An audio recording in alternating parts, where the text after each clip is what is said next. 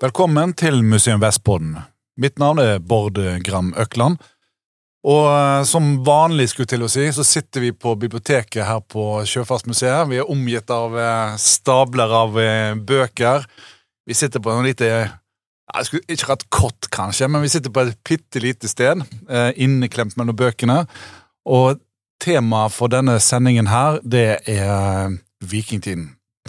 Vi kommer selvfølgelig, Vikingtiden er selvfølgelig et svært tema, vi har ikke sjans på å komme inn på veldig mye av det.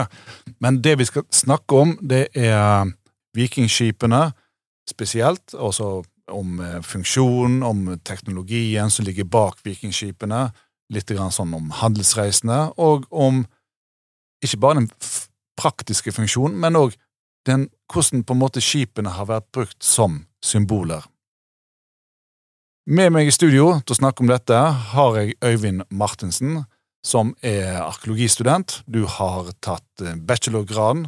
Du jobber med samlingsforvaltning, og eh, du viser rundt eh, Du har en del omvisninger for besøkende her på museet i Vikingskipsutstillingen. Og jeg må jo spørre deg, hva, hva forhold har du egentlig til vikingtiden?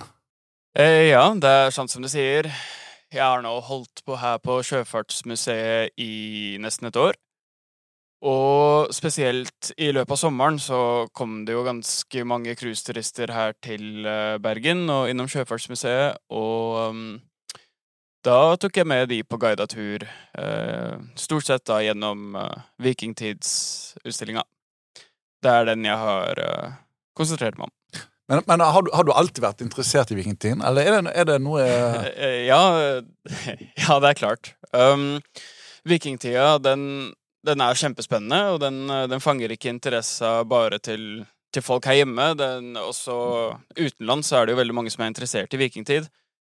Og det er kanskje i forbindelse med vikingtida at folk kjenner igjen, kjenner igjen Norge der ute.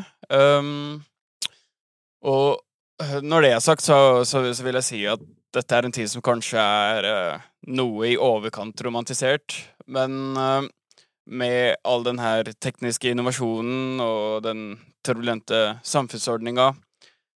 Og også dette med at vikingtida er slutten på en veldig lang periode, nemlig, nemlig jernalderen, så, så, er det en veldig spennende periode. Så det er det. Ja, og sant, eh, Noe av det første som møter publikum når de kommer her på Sjøfartsmuseet, da, eh, er jo akkurat eh, skipsfart i jernalder og inn i vikingtiden.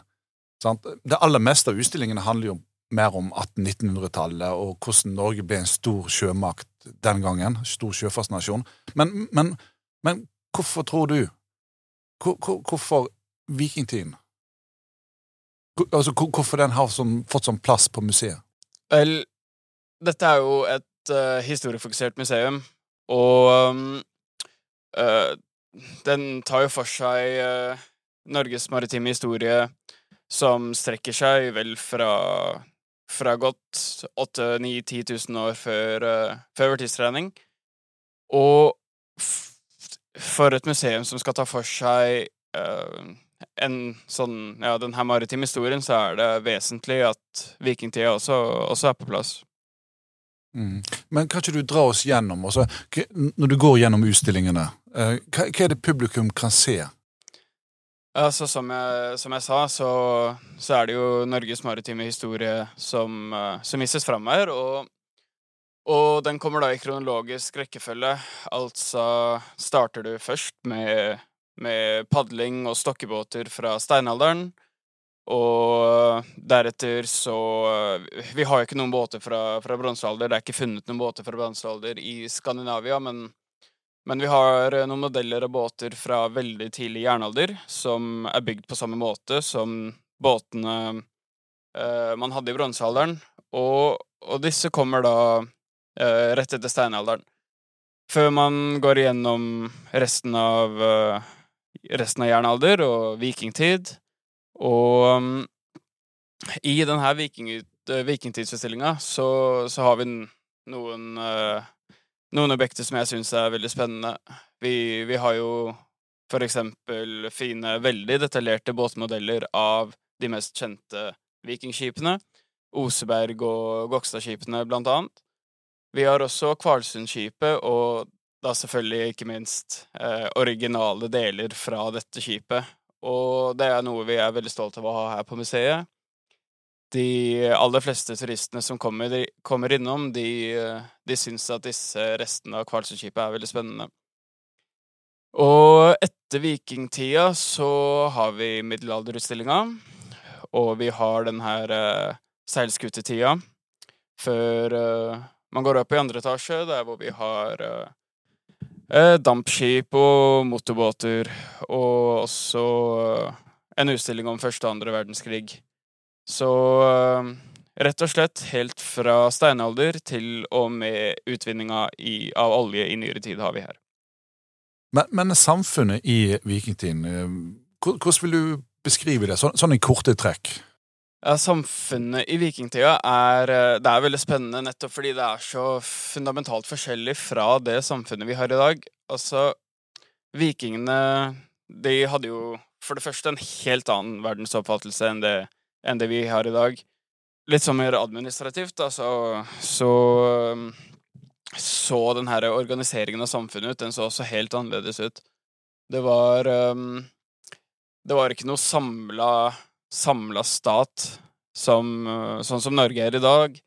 Det var eh, derimot spredte grupper av vikingbander som var bosatt over forskjellige områder, og det ligner nesten på mafiatilstander.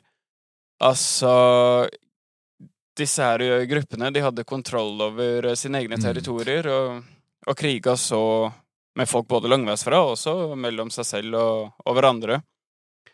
Og på den på denne måten så virker vikingtida kanskje Den kommer eh, Den viser seg kanskje som veldig voldsom og brutal.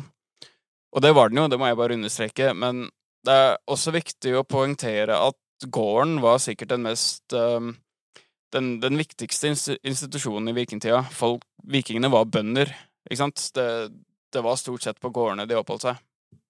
Disse skipene som uh, man så på kysten i, i vikingtiden. Også, hva, hva, type skip var det? det? det? er et interessant spørsmål. Uh, vikingene de hadde veldig mange ulike typer av skip, og disse skipene hadde så egne navn. I, I, sagaen så kjenner vi til begrep som snekke og busse, uh, skeid, sudd, knarr, byrding, karve. Eh, altså, det, det, er veldig mange begrep her, og det er litt vanskelig å vite og forstå hvilke begrep som hører til hvilken båt. Det er også mulig at det har vært ganske små detaljer som skiller den ene skipstypen fra den andre. Men vi kan i hvert fall eh, gjøre et skille mellom krigsskip og handelsskip. Disse her handelsskipene de har vært eh, noe større og bredere enn langskipene, enn disse krigsskipene. Og de har også vært noe mer dyptgående, noe som kan ha gjort at de har eh, kanskje måtte hatt en havn å legge til, istedenfor å kunne enkelt bli dratt opp på land, slik som disse notoriske langskipene. Um, disse har da uh, naturligvis vært brukt til å transportere så mye gods som mulig, og uh, skipene var der, derfor utstyrt med færre århull, rett og slett for et mindre mannskap. Um, man kan tenke seg at et mannskap på 68 personer hadde vært nok i, i og med at du ville jo helst bare rodd innaskjærs og brukt seilet så langt det lot seg gjøre, for det, det er jo veldig, er jo veldig tung, tunge skip, tunge båter, med kanskje da en tung last som skal som, uh, som skal manøvreres, så man hadde prøvd å nytte seg av seilet i så stor grad som mulig. Uh, dermed så På disse her uh, transportbåtene, disse handelsskipene, så, så, var masten i større grad fastmontert enn det den var på langskipene. Uh, der masten kunne tas opp og ned etter behov. Fordi på krigsskipene så kan det ha vært hensiktsmessig å ta opp og ned masten i for eksempel under et sjøslag, eller dersom man skulle snike seg opp på et engelsk kloster, så kunne det jo vært hensiktsmessig å prøve å komme seg dit um, uten å bli, uten bli oppdaga. Så da kan man ha tatt ned masten. Um, når det er sagt, så, så ville man jo også hatt med seg langskip, nei, eh, transportskip på plyndringstakter, eh, nettopp fordi man kanskje trengte forsyninger dersom man skulle vært borte i lang tid. Og også for å ta med seg mye og verdifullt gods hjem. Altså, hva, hva egenskaper vil du si eh, vikingskipene hadde, altså, som, som, gjorde de som gode havgående skip? Vel, det, det er flere attributter til vikingskipene som, som gjør dem som overlegne. Og et av disse store stegene innen skipsutvikling som ble gjort under vikingtida, var nettopp det her med introduksjonen av kjølen. Og kjølen, for de, for de som ikke er klar over det, er eh, kan sies å være bunnplanken på, um, på skipet. Og denne kjølen den muliggjorde både seilas og også det at man kunne bygge båten flat. Man kunne bygge den um, kunne bygge den veldig flat, slik at man kunne trekke båten opp eh, langt opp på land, og det var også en forutsetning for å kunne bruke disse båtene inn i elvesystemer eh, inn, innover det europeiske kontinentet. Og, og dette Dette er noe av det som virkelig karakteriserer eh, vikingbåtene. Men vet vi noe om eh, hvor fort disse vikingskipene seilte? Ja da. Eh, det er eh, bygget kopier av både Osebergskipet og også Vokstadskipet. Og disse kopiene de holder dem fart på 12-13 knop, så, så, det går ganske fort. Og en tur til England vil da kanskje under de aller, aller beste forhold tatt uh, helt ned til tre dager. Det er ganske fort, det. Ja, så, så skipsteknologien den åpna virkelig Europa opp for vikingene. Og det er derfor man kjenner igjen vikingene som så dyktige sjøfolk. De, de kunne rett og slett dukke opp hvor som helst, og når som mm. helst. Men det, det, må jo også, et, Å lage et seil må jo være ganske krevende òg. Altså, eh, vet vi noe om hvor arbeidskrevende og ressurskrevende det var å lage seil? Ja, øh, jeg kan ta og gå gjennom hele denne byggeprosessen med, med vikingskipene. Den er, den er ganske omfattende. Og det aller første som kommer på plass, det er nettopp denne kjølen, eller, eller bunnplanken, da. Og den består ideelt sett av en kjempelang planke, en, et stykk tre, fordi den skal være mest mulig solid. Um, denne kjølen er jo utsatt for krefter fra, fra seilet, ikke sant, så, så den må virkelig være solid. Og deretter så fester man stavnene på skipet, altså de her plankene som stikker ut eh, både foran og bak, og det er jo disse som gir skipet den her karakteristiske formen med, med da disse plankene som stikker opp, ja. Og, og um, deretter, etter man har denne kjølen og stavnene på plass, så klinker man sammen sidene på skipet. Og dette gjøres ved å legge skipssporene, altså plankene, oppå hverandre, sånn at de over, overlapper hverandre lett. Og deretter så klinker man igjennom en jernnagle som slås tvers igjennom en ring på innsida. Og imellom plankene og denne sømmen, som det heter, så, um, så tetter man kanskje med, med, skinn som uh, kan ha vært innsmurt med, med olje. Mm. Og um, apropos det her med klinkbygde båter, uh, som vi snakker om, som vikingskipene var, så, så, vil jeg bare poengtere at dette er en tradisjon som strekker seg ganske mye lenger enn enn tilbake til vikingtida. Det, det, aller første beviset vi har på en sånn her uh, byggemåte, det er med Nydambåten fra Danmark. Og den ble bygget på 300-tallet, altså sen romertid. Og noe av det som skiller disse her eh, typiske skandinaviske båtene, det er at uh, spantene, altså skjelettet på innsiden av båten, dette her eh, rammeverket, kan du si, det, det blir bygget i etterkant. Så man bygger uh, sidene først, og deretter fester man spantene. Og i de aller fleste tilfellene så blir dette her gjort med tau. Og det gjør at uh, konsentrasjonen er litt sånn uh, be bevegelig. Ja, at det er mer elastisk, på en måte? Ja, at, ja det, det, er det ordet jeg er ute, ute etter, ja. Uh, skipet, det blir, det blir elastisk og, og, godt å bruke, rett og slett. Og Deretter så monteres eh, kjølsvinet, som, som det heter, og massefisken. Og kjølsvinet, det er i bunn og grunn en eh, solid, stor kloss som tar imot for eh, kreftene fra seilet, og det, her, dette her kjølsvinet det monteres da på kjølen. Og det er jo da dette som gjør at skipet går framover. For det er, det er ganske store krefter i sving. Eh, la oss se for oss at du har som på Osebergskipet et 80 kvadratmeter stort seil. Så, så, trenger man noe solid som kan ta imot for all denne kraften.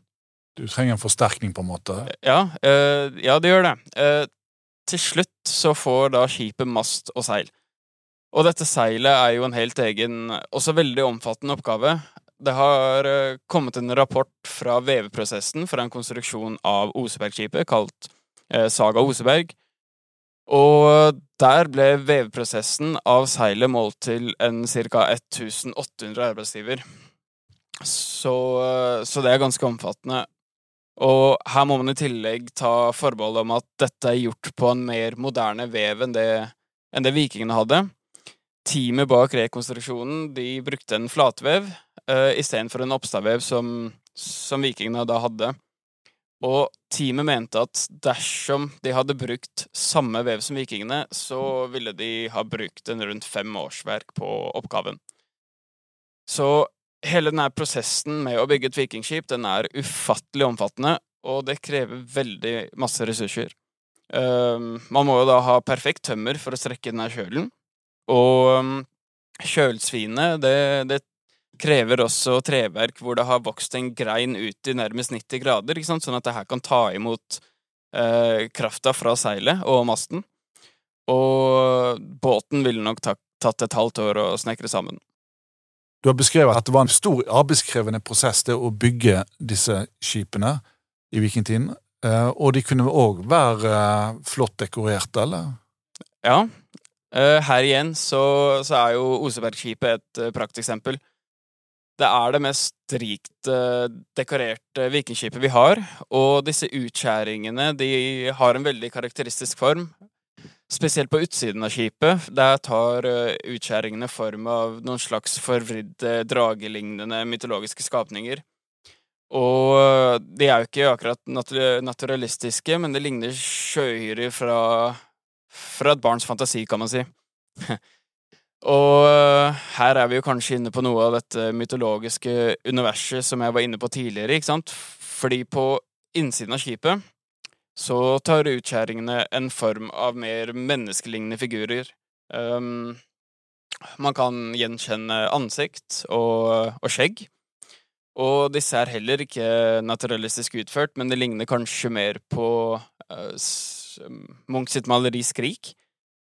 Og um, jeg tror at en viking på et tidspunkt har prøvd å gjøre et poeng ut av å ha disse her skumle sjøuhyrene på utsiden av skipet, eh, samtidig som man skulle ha besetningen trygg og intakt på innsida. Osebergskipet er jo på en måte det eldste sikre sporet vi har etter et seilskip i, i, i nordiske funn. da. Men, men, men uh, tror du at man har hatt seilskip før Oseberg? Altså, ja. Uh, for å gå rett på sak, så synes jeg det virker sannsynlig at det har vært seilt i noe tid før Osebergskipet. Um, jeg synes det er vanskelig å forestille meg at Osebergskipet er det aller første seilskipet, i og med at det er så godt utvikla på alle andre områder. Et av de skipene som har vært diskutert en del om, om det kan ha vært et uh, seilskip, er det her Kvalsundskipet som vi har rester av her på, uh, på museet. Um, Arkeologen som utgravde dette skipet, Håkon Kjetling, han mente at dette var et seilskip. Og før jeg går videre så, jeg, så, er det kanskje lurt å si at dette Kvalsundskipet det er bygd på eh, 790-tallet, rundt 790.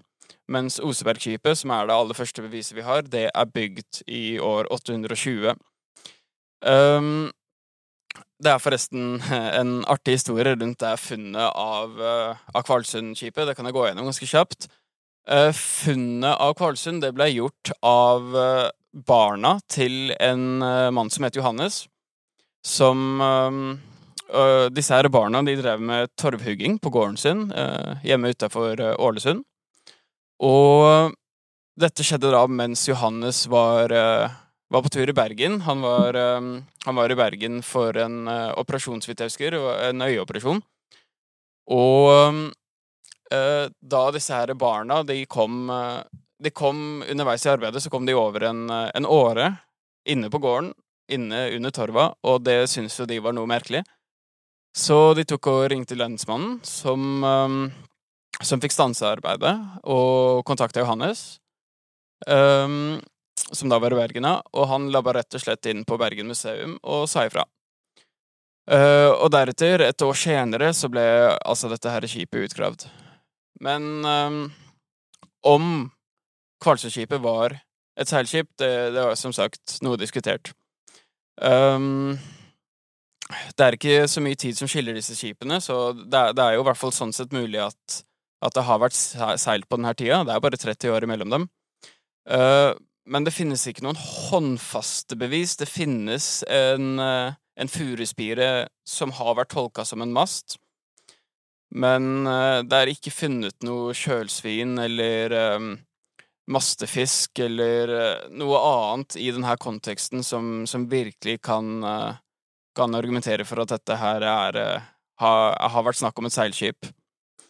Um, samtidig så har man seilt uh, seilt i Sør-Europa i tusenvis av år, så, um, så teknologien fantes der ute, og det, det kan hende at vikingene har kopiert den her før Osebergskipet, altså. Men der ute på havet, vet vi noe om, eller går det an å tenke seg også, hvordan har man navigert der ute? Hvordan har man på en måte funnet fram på havet? Nei, navigasjon er vanskelig. Det er, det er vanskelig nå, og det var, det var, i hvert fall vanskelig da. Men for det første så kan det understrekes at de aller fleste vikingferder de foregikk eh, langs kysten. Um, altså ikke utafor sine land. Og derfor så hadde man med seg en kjentmann, og som navnet tilsier, så er dette en person som er kjent i området, en som er kjent med ruta som kunne kjenne igjen attributter i landskapet og, og rett og slett vite hvor man var. Um, ja, Så seilingsmerke brukte man da? Ja, ja, det kan du si. Men hvis du er på åpent hav, så, så er det ikke så lett å se fjell og Nei, nei det, ja. der, der, er saken en annen. Det, det, har vært eh, spekulert mye i dette her, for dette, det er jo litt vanskelig å vite. Men det er, jo, det er jo noe som er åpenbart her, og det er at på dagen så, så har du kunnet sett solas gang, og bestemme, bestemme hvilken retning man var på vei ut ifra den. Og på natta så har du jo stjernehimmelen og månen, stjernebildene, Uh, og det å vite hvilken stjerne man skulle ha på hvilken side av seg selv osv., det, det har nok gjort, uh, kvintessensen for, uh, for, navigasjon på nattestid. Mm. Problemet her det melder seg jo da, Bård, med overskya vær.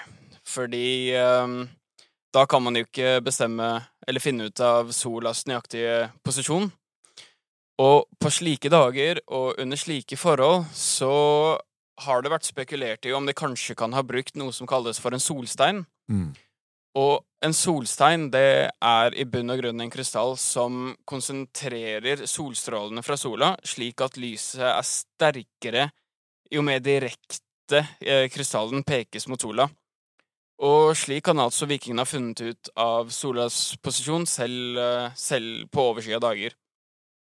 Og denne bruken av solstein, det fungerer faktisk. Det er noe uh, man har funnet ut nå i senere tid. Man har gjort uh, mange tester med, med denne her. Uh, problemet er at det er fortsatt det er komplisert å regne ut solas høyde over horisonten med denne solsteinen, og så det er vanskelig å si noe om i hvilken grad eller på hvilken måte den har blitt brukt. Når uh, vikingene navigerte der ute på havet, hvor uh, skulle de, og hva var som drev de? De her de, vikingene, de, de, skulle overalt omtrent. De, de skulle finne seg nye bosetningsområder. De skulle dra på plyndringstokt, og de skulle også på handelsturer. Og disse her handelsturene de kunne for eksempel være til Kaupang, Ribe eller Birka, disse her eh, nye eh, handelsbyene som eh, oppsto under vikingtida. Men de kunne også drive handel lenger eh, inn på kontinentet og lenger øst. Eh, vikingene har dratt så langt som til Bulgaria og det østromerske riket, altså helt til Bysants.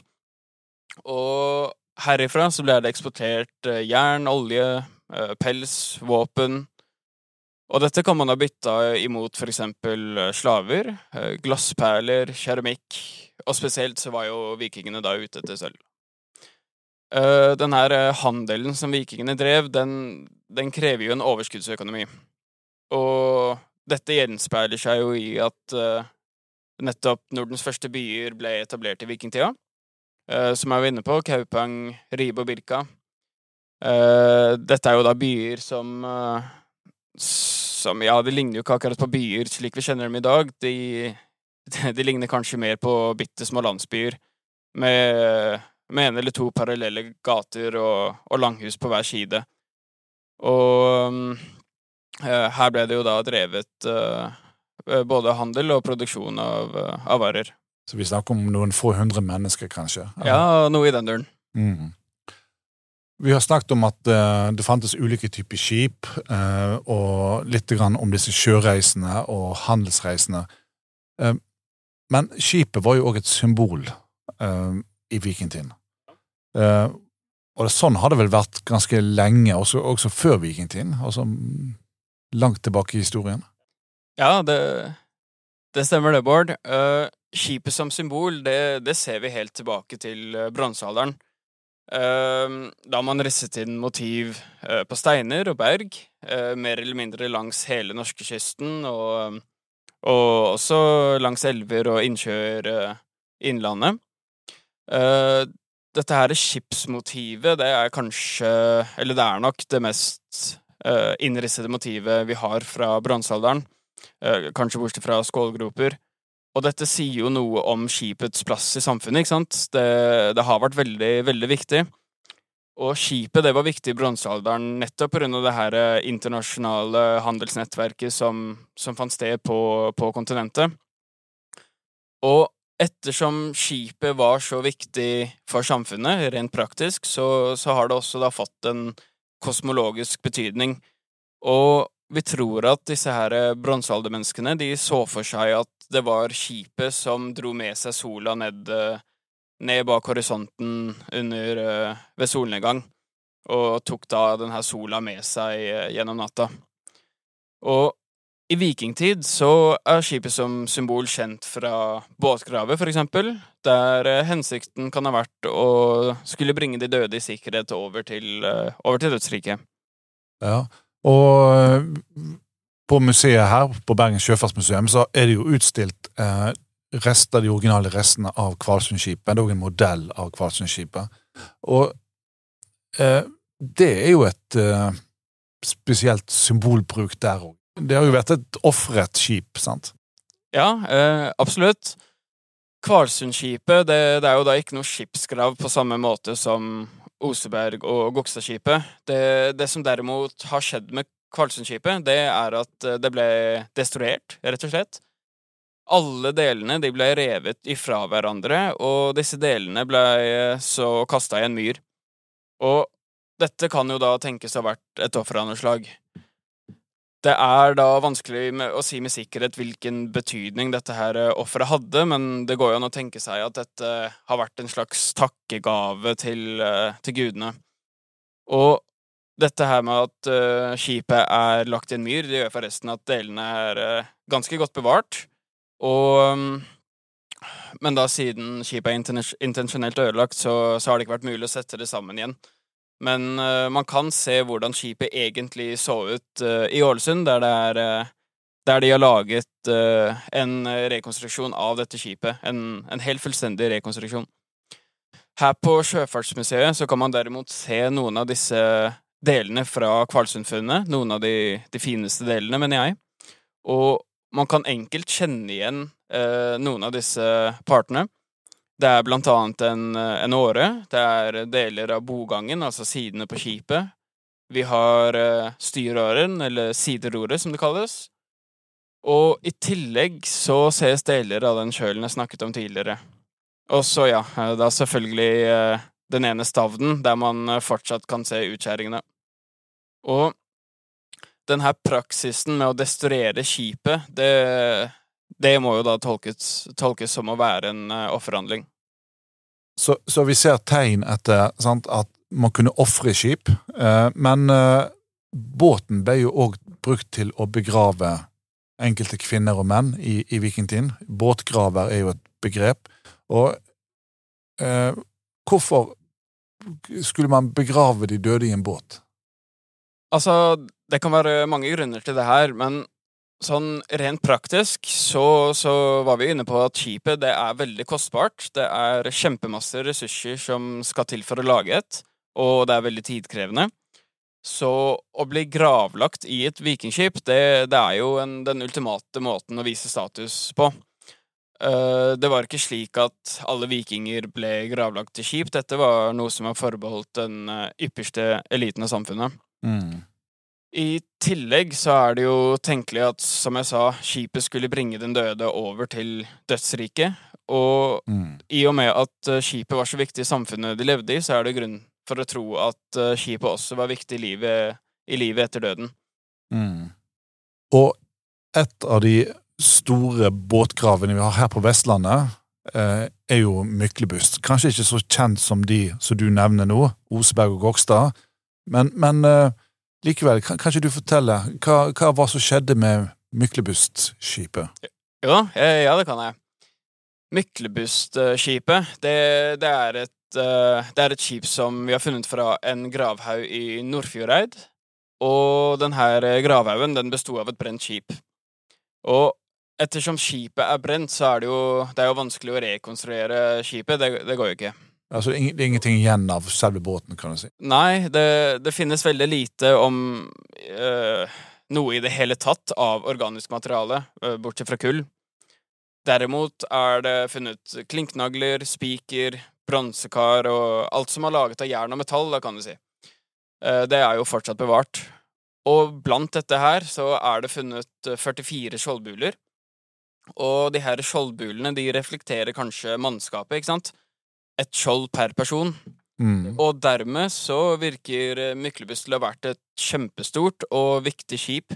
Til sammenligning så har Gokstad Oseberg eh, bare i overkant av 30 mennesker hver om bord. Men, men var det vanlig at man brente, brente skipene i forbindelse med en begrave, begravelse? Uh, ja, det, altså det var det nok. Um, fra samme gård, fra samme område og samme periode, så, så finnes det både branngraver og også eh, vanlige gravnedleggelser.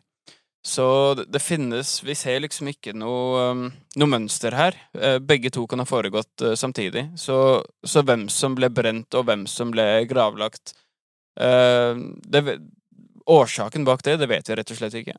Mm. Men et av de mest legendariske, mest kjente eh, ubrente gravskipene, kan vi si, da, er jo selvfølgelig Osebergskipet. Sant? Tidlig 800-tallet. Um, hva, hva, hva type begravelse var det? Ja, um, Oseberg har fått masse oppmerksomhet. Og det, det er vel fortjent, fordi det er det best bevarte vikingskipet som finnes. I tillegg til at det er det mest praktfulle, kanskje. I hvert fall med tanke på de her utskjæringene som vi snakka om tidligere. Og grunnen til at det er så godt bevart, det er som du sier, at det var, det var gravlagt helt. eh, og så ble det laget en stor gravhaug over. Og denne gravhaugen, den, den består av noe som heter blåleire. Mm. Og blåleire, det er en eh, marin leire, som det heter, og den er finkornet, slik at skipet har vært veldig godt isolert, og det har ikke kommet til noe luft som har bidratt eh, i at treverket har råtna. Mm. Hvem var det som ble begravet der? I Osebergskipet så var det grav, gravlagt eh, to kvinner. Og dette har åpna for flere tolkninger. Altså, hvem var disse menneskene? Tidligere så antok man at dette her dreide seg om en slags eh, dronningsfigur og en slave. Men Universitetet i Oslo har foretatt en isotopanalyse av tennene deres, og denne analysen den viser at eh, kvinnene har levd eh, på en veldig eh, proteinrik diett. Altså, de de har spist kjempemasse kjøtt, og dette tilsier en kost for eliten. Og derfor så tror man nå at begge kvinnene har hatt høy rang. Dessuten så er det også funnet rester av silke i klærne til begge disse kvinnene. Og det er, det er flere sånne her tegn da, på at uh, de begge var av høy status. Dessuten så levde jo uh, disse kvinnene til å bli svært gamle. Den uh, ene av disse damene døde i da hun var rundt 80 år. Det og det er jo helt uhørt for denne Det denne var veldig gammelt for, ja, som Ja, ja. du sier, for vikingtiden, ja. Absolutt. Det er jo, det er jo en respektabel alder selv i dag, men på den tida så var det, det, var, det var nærmest uhørt. Den andre dama, eh, hun ble 50 år gammel, og hun kan ha hatt en ganske interessant eh, bakgrunn. Eh, Det er mulig at hun kanskje stamma fra Svartehavsområdet. Eh, Det, det tror vi, eller det har vært trodd, fordi det har vært foretatt en DNA-analyse av skjelettet hennes. Og denne analysen den viste at hun tilhørte en undergruppe som heter U7. Og U7, denne eh, undergruppa, det er noe man finner i dagens eh, Ukraina, blant annet. Men den er da altså ikke utbredt eh, i Norge. Og på en annen side, derimot, så er det stilt spørsmål om det kan ha vært noen form for kontaminasjon her, og at denne DNA-prøven ikke er, har gitt riktig resultat. Um, uansett så har dama blitt oppfostra i Norge og levd her til hun ble eh, gravlagt med Osebergskipet eh, i Tønsberg. Noe av gravgodset fra begravelsen, eller begravelsene har jo vært utstilt sammen med disse vikingskipene eh, på Bygdøy. Eh, og er det noe der du Når det gjelder gravgodset, da, er det, er det noe der du vil trekke fram som forteller litt om, om, eh, om eh, Osebergskipet? Eh, ja, det, det kan jeg godt. Osberggraven, Oseberggraven, den er helt unik. Den består av eh, kjemperikt gravgods, med blant annet en rikt dekorert slede, en eh, rikt dekorert vogn, og noe som også ligner en trone, som man da hadde på den tida i Europa. I tillegg så har det vært ofra mange dyr i denne konteksten, i denne graven, eh, deriblant ganske mange hester, og, og dette høres kanskje litt brutalt ut, men Eh, har, de har altså ført levende hester bort til skipskroget, bort til, eh, bort til graven. Og så har de drept disse hestene med et hardt slag mot hodet. Og dette har vært gjort med en, eh, med en bøtt gjenstand. Og dette høres jo ut som et eh, regelrett blodbad, og, og det, det var det jo også. Og dette kan ikke jeg forstå på noen annen måte enn at det har foregått en eh, stor seremoni, en, eh, en eh, litt gørrete seremoni, kanskje. Um, og dette her, denne gravleggingen av eh, disse to kvinnene og Osebergskipet, det, det, det må ha vært eh, viktig for eh, hele samfunnet. Det har kosta dem kjempemasse, og, ehm, og det må ha vært noe som har bundet, hele samfunnet sammen. Uh, og dette her, det skjedde da altså i år 834, altså 14 år etter at skipet ble bygd. Og dette vet vi fordi det har vært gjort eh, dendrokronologiske undersøkelser, altså åringsdateringer av gravkammeret. Og dette viser da når tømmeret som ble brukt i konstruksjonen av gravkammeret, ble, ble felt. Tusen takk til deg, Øyvind Martinsen, som jobber med samlingsforvaltning og, eh, og har omvisninger i utstillingene om vikingtiden. Og vil du vite mer om eh, vikingtiden, så kan det jo være tips å komme til Bergen sjøfartsmuseum og, og se utstillingene, og se både originale eh, gjenstandsfunn fra skipene og eh, skipsmodellene. Takk til eh, Magnus Kvarving, som er produsent for denne episoden, og takk til deg som lytter på. Følg oss gjerne på Spotify. På gjensyn.